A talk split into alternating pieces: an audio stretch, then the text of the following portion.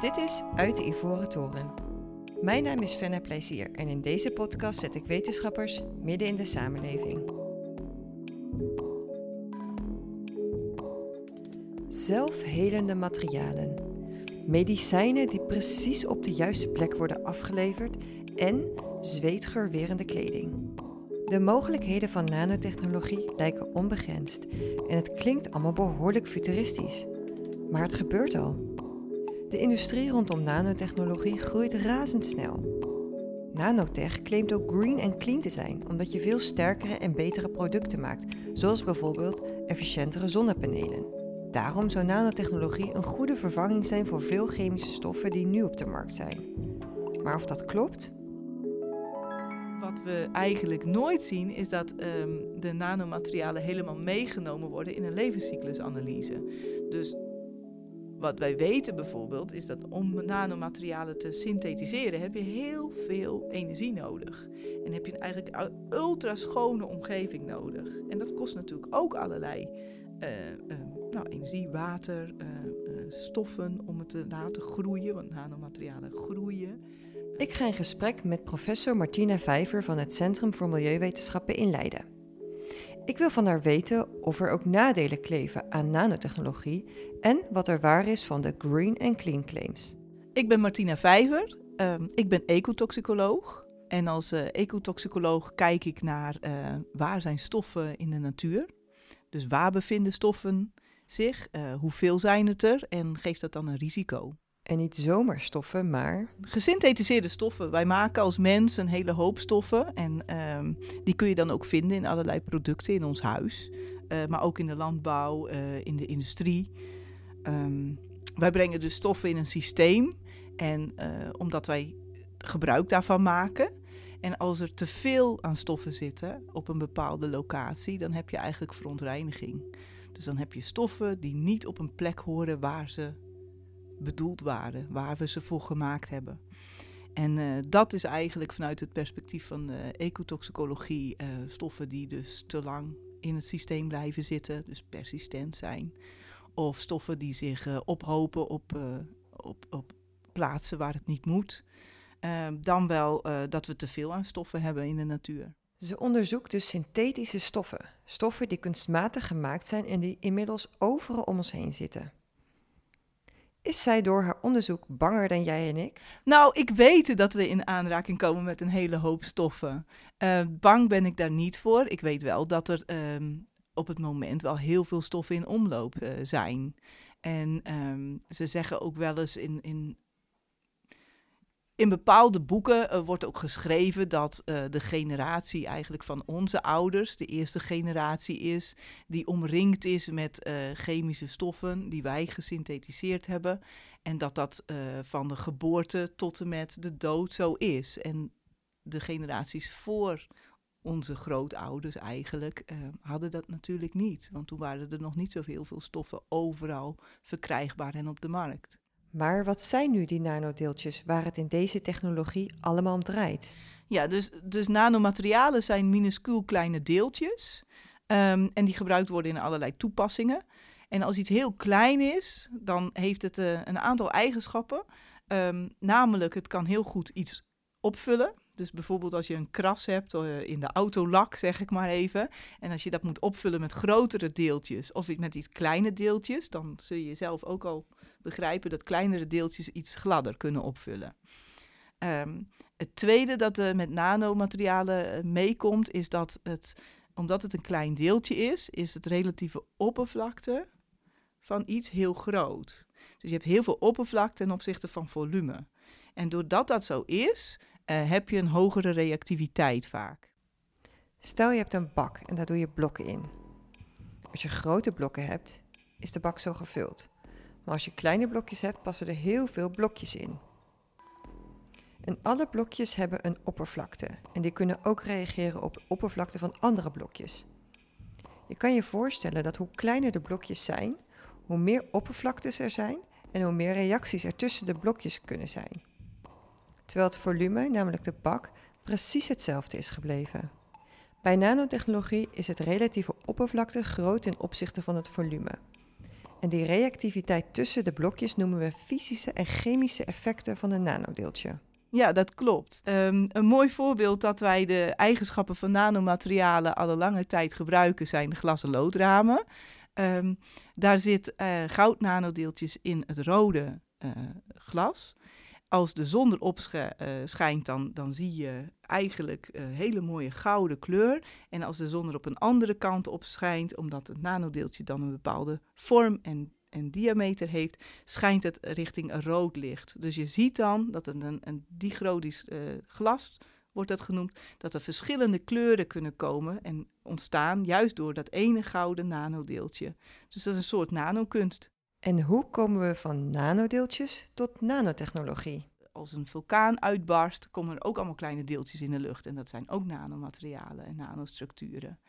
Uh, in water, in bodem, wat allemaal hele kleine deeltjes. En dat kan ook in een nanoschaal zijn.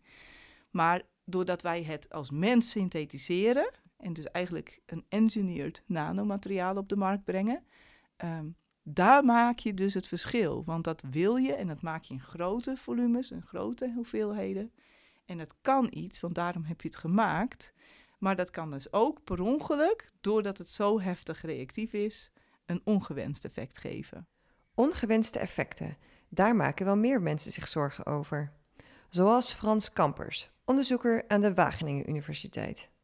Ja, nanotechnologie is een technologie waarmee we hele nieuwe dingen kunnen doen. Je kunt sensoren gevoeliger maken, je kunt apparaatjes kleiner maken, veel goedkoper maken. Maar daar zitten helaas ook nadelen aan. Met nanotechnologie kun je bijvoorbeeld hele kleine deeltjes maken, wat we dan harde deeltjes noemen, die in, in niet oplossen of niet afgebroken worden door het lichaam.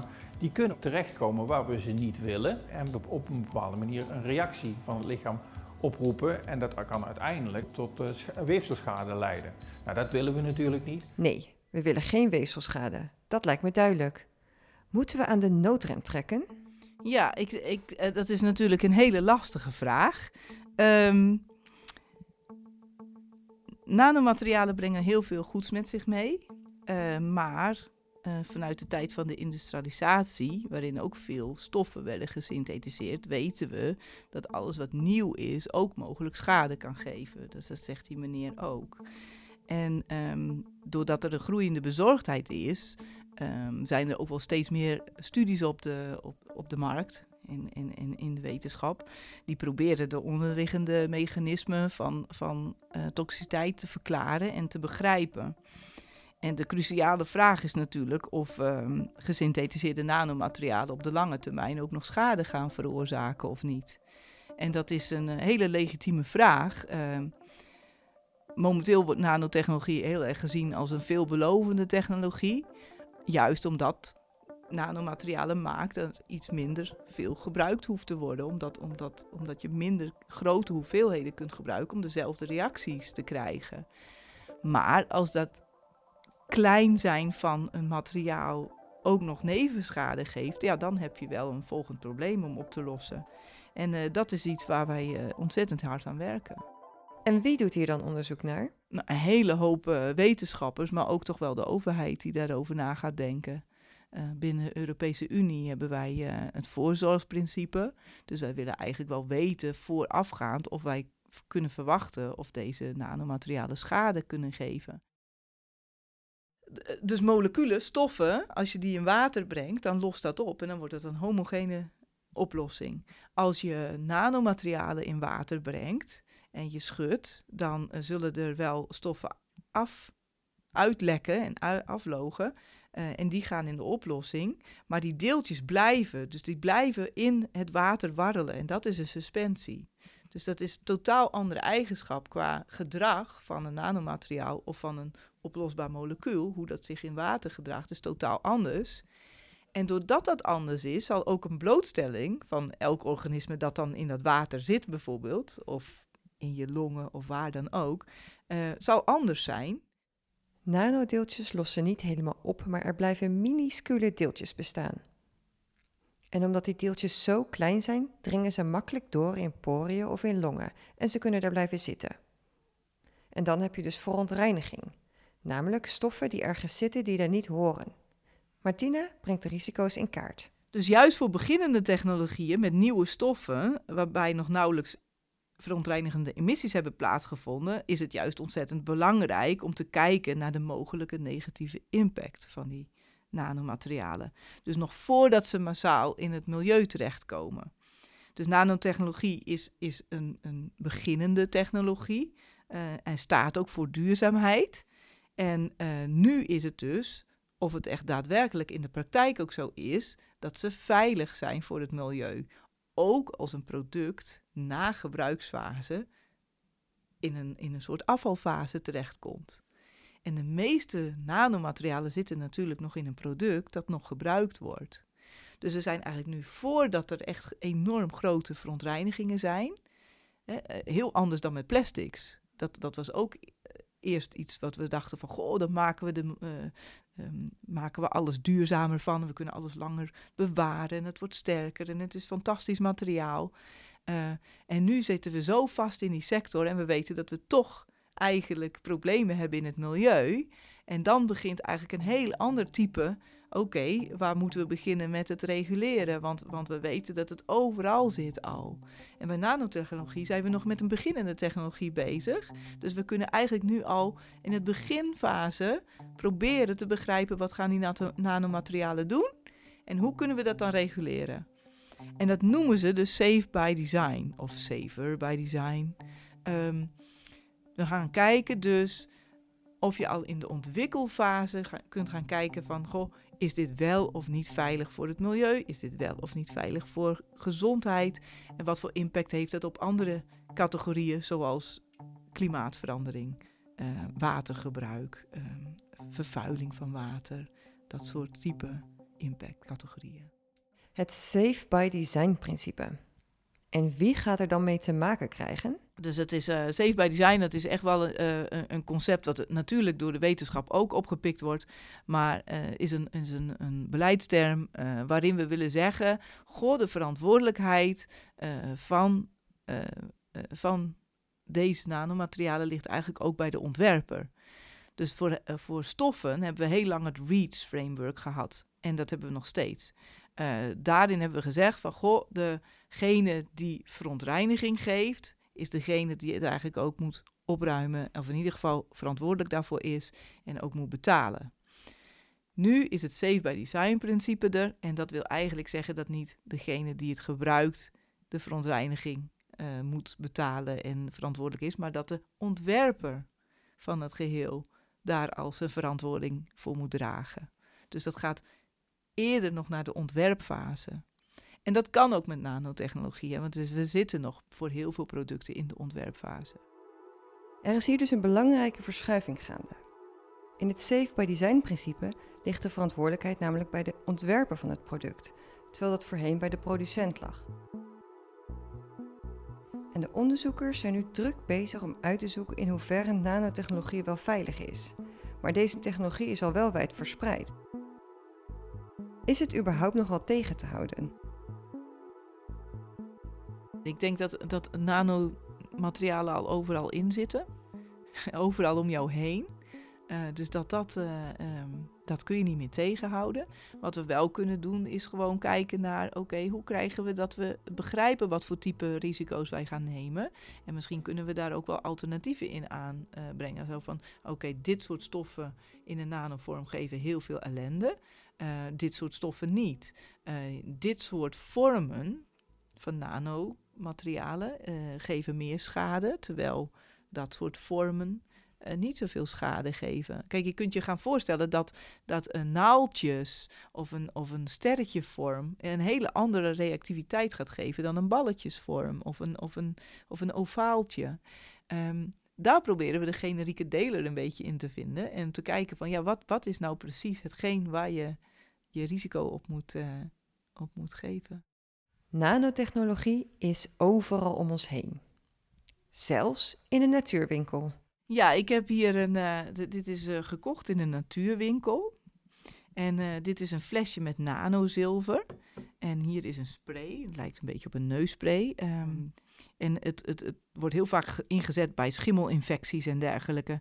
En dan staan er een ontzettende hoeveelheid claims bij dat je tegen acne, allergieën, voetschimmel, parasieten in het bloed kunt gebruiken, gordelroos, alle virussen, wratten, kinkhoesten, aids en RSA. MRSA-bacterie. Nou, dat zijn behoorlijke claims, zou ik zeggen. Als je in de winkel gaat praten met die mensen, dan zeggen ze nou niet alles, maar het is best wel goed uh, als eerste hulp bij allergieën en infecties. Dus dan gaan al een hele hoop claims er weer van af. Daar staat, sinds de oudheid heeft de mensheid uh, zilveroplossingen gebruikt om pathogenen te bestrijden en ziekten te voorkomen. Desondanks dwingen huidige Europese richtlijnen ons te vermelden dat dit product alleen uitwendig gebruikt mag worden. Wij laten u de keuze. Ja. Ja, dus dat kun je kopen als consument. Um, ik zou dit niet opdrinken, inderdaad. Dan staat dat er ook niet mag, maar dan staat er we laten u de keuze. Ik, ik vind het wel een beetje gevaarlijk, zou ik zeggen. Um, uitwendig, zou ik het op mijn huid smeren? Nou, ik niet. En een liter fles nanozilver kost al snel 60 euro, zag ik online. Een andere claim is dat nanotechnologie green en clean is omdat je zoals bij een zonnepaneel veel meer zonlicht kan opvangen en efficiënter kan omzetten. Maar, vertelt Martina, dit voordeel geldt alleen voor de gebruiksfase van de zonnepaneel. De duurzaamheid en de groenheid van nanomaterialen en technologieën, eh, eh, die is zeker eh, te verklaren. Heel vaak zijn die geënt op de gebruiksfase. Dus bijvoorbeeld als er nanomaterialen in je zonnepaneel zitten, dan kun je ook echt veel meer, op veel verscheidenheid aan spectra kun je eh, zonlicht invangen en ook heel efficiënt doorzetten. En ook bijvoorbeeld um, uh, de buckyballs, dus dat zijn de carbon uh, nanomaterialen, die zitten bijvoorbeeld in uh, het mechanisme dat een airbag aanstuurt in jouw auto.